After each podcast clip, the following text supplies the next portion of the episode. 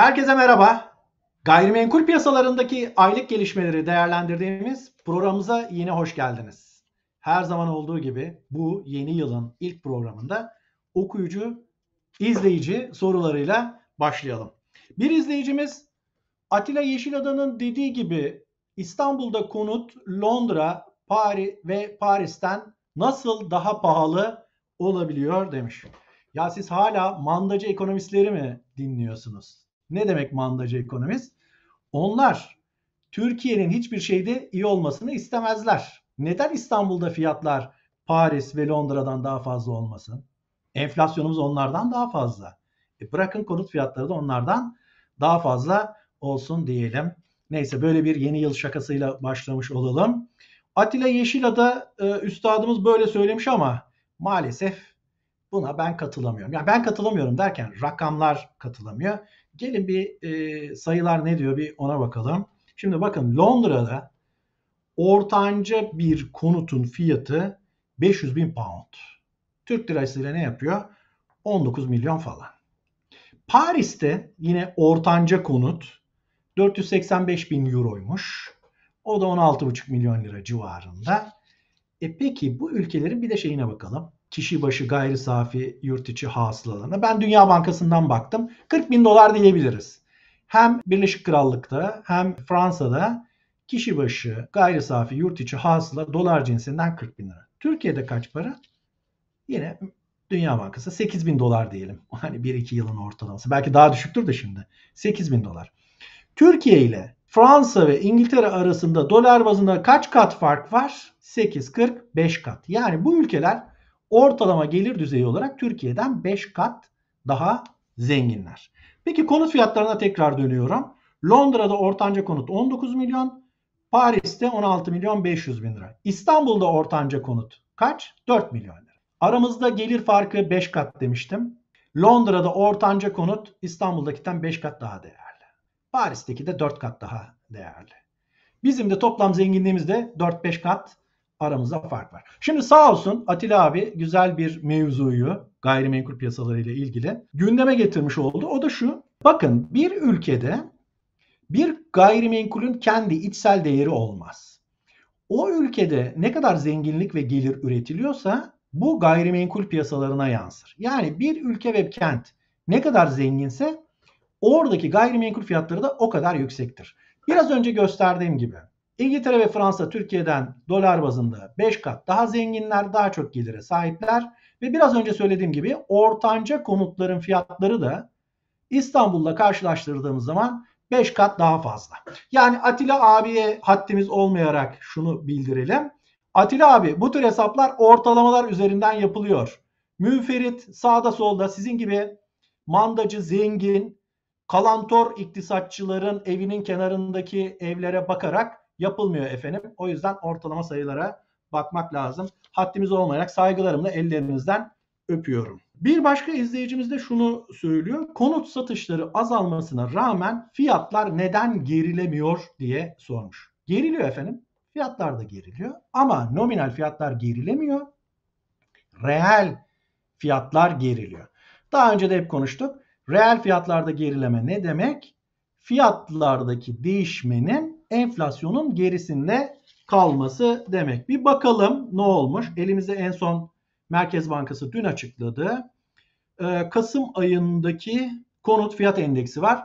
Türkiye'de %1.8 bir ayda artmış.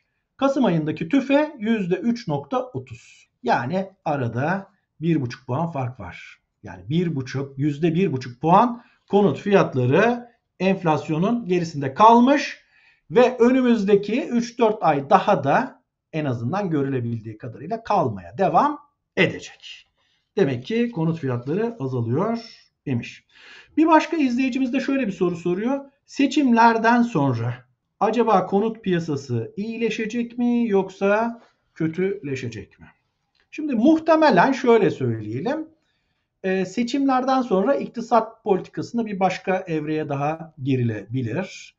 Ee, ve benim beklentim açıkçası yılın ikinci yarısından itibaren bir iyileşme göreceğimiz yönünde.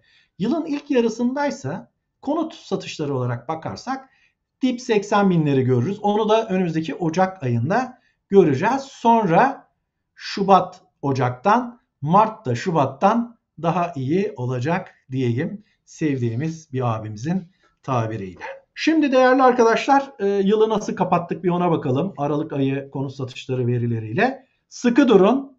Çok sürpriz bir veri var. Aralık ayında konut satışları bir önceki aya göre, geçen aya göre %48 artmış. E hani konut piyasası çöküyordu? Hani diplere gidiyordu? Yo gitmemişti. Bir önceki aya göre %48 artmış. Ama bir dakika. Bu bir minik şaka. Gerçek şaka. Çünkü her yıl Aralık ayında konut satışları zirve yapar. En tepelere çıkar. Bu sefer en tepeye çıkamadı tabii. O zaman geçen yılın Aralık ayıyla karşılaştırmamız lazım. Buna ne diyoruz biz? Aynı dönemleri birbiriyle karşılaştırarak mevsim etkisinden arındırmaya çalışıyoruz. Şöyle bakalım o zaman. Geçen yılın Aralık ayıyla karşılaştırdığımızda geçen yıl Aralık ayına göre %33 konut satışları düşmüş.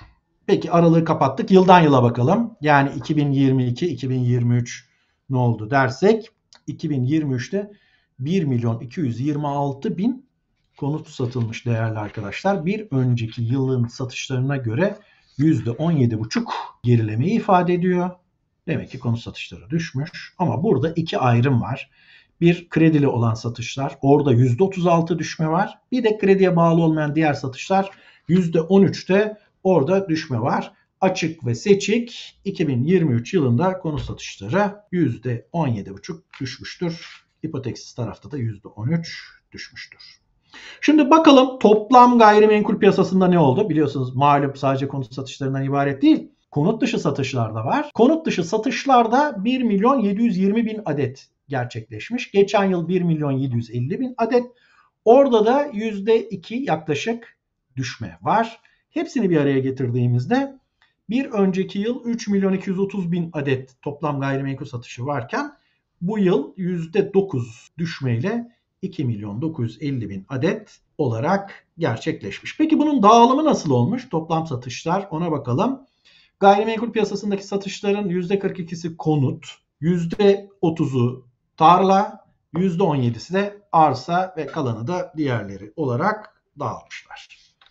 O meşhur yabancıya satışlardaki son duruma bakalım. Ben daha önceki programlarda da söyledim zannediyorum. Yabancı aslında bir örtülü ambargo var çaktırmadan. E, mevzuat değişikliği de geldi biliyorsunuz. Hem vatandaşlık için gelmişti. Bu arada ikamet izni için de alınması gereken konutun değeriyle ilgili ayarlama yapıldı. O da 75 binden 200 bin dolara çıktı. Dolayısıyla dip yaptı Aralık ayında da yabancıya satışlar. Geçen yıla göre üçte bir oranında düştü. Toplam bütün yılda 35 bin adet gerçekleşti. Bu da son 6 yılın en düşük yabancıya konut satış rakamını veriyor.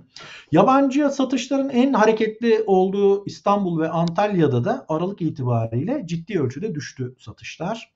Bütün Türkiye'de Aralık'ta %1,5 oldu yabancıların oranı. Mesela Antalya'da %30'ları görmüştü. Şimdi %10'ların altına düştü yabancıya satışlar. İstanbul'da %10'lardaydı.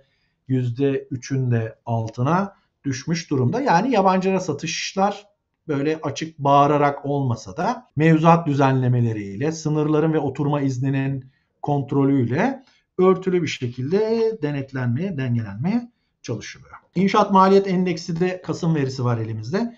%67 artmış. E, malzemede %53 enflasyon var. İşçilikte %110.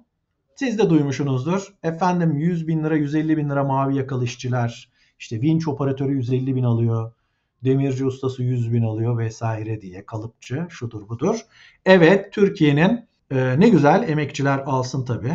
Yani haklı olarak ama müteahhitler de harekete geçmiş. E, inşaat işçisi ithal edelim diye söylüyorlarmış. Çok normal. Şimdi Muhtemelen bu Ocak ayındaki yeni asgari ücret düzenlemesiyle birlikte e, inşaat maliyetleri üzerinde emek maliyeti bir parça daha ileriye gidecek. İnşaatta işler iyi demiştik geçen programda. Çünkü Türkiye depremle ilgili inşaat faaliyetlerini hızlandırmıştı. Şimdi İstanbul'daki yerel seçimler nedeniyle depreme yönelik yenileme faaliyetleri, kentsel dönüşüm faaliyetleri hareketlenecek.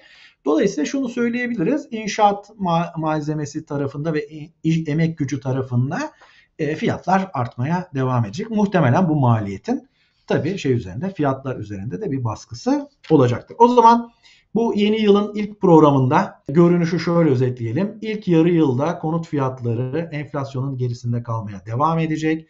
Konut satışlarında Ocak ayında dibi göreceğiz ama o yavaş yavaş yukarıya doğru gidecek. İlk yarıda iki ay var e, bayrama denk geliyor. Orada çalışma günleri çok kısa. O aylarda daha da düşük e, konut satışları göreceğiz. E, ama ikinci yarıdan itibaren seçim sonrasında da özellikle konut piyasasında alım satımlara yönelik bir takım vergi düzenlemeleri de beklediğimi söylemeliyim. O açıdan da piyasanın dikkatine sunalım. Faiz oranlarındaki gerilemeyi de yine dediğim gibi ikinci dönemden önce beklemiyorum. Dolayısıyla önümüzdeki yıl yarısı yaz, yarısı kış, inşallah ikinci yarısı yazdır e, gibi gözüküyor. Bir sonraki programda tekrar görüşebilmek ümit ve temennisiyle şen ve esen kalın, barınmada kalın.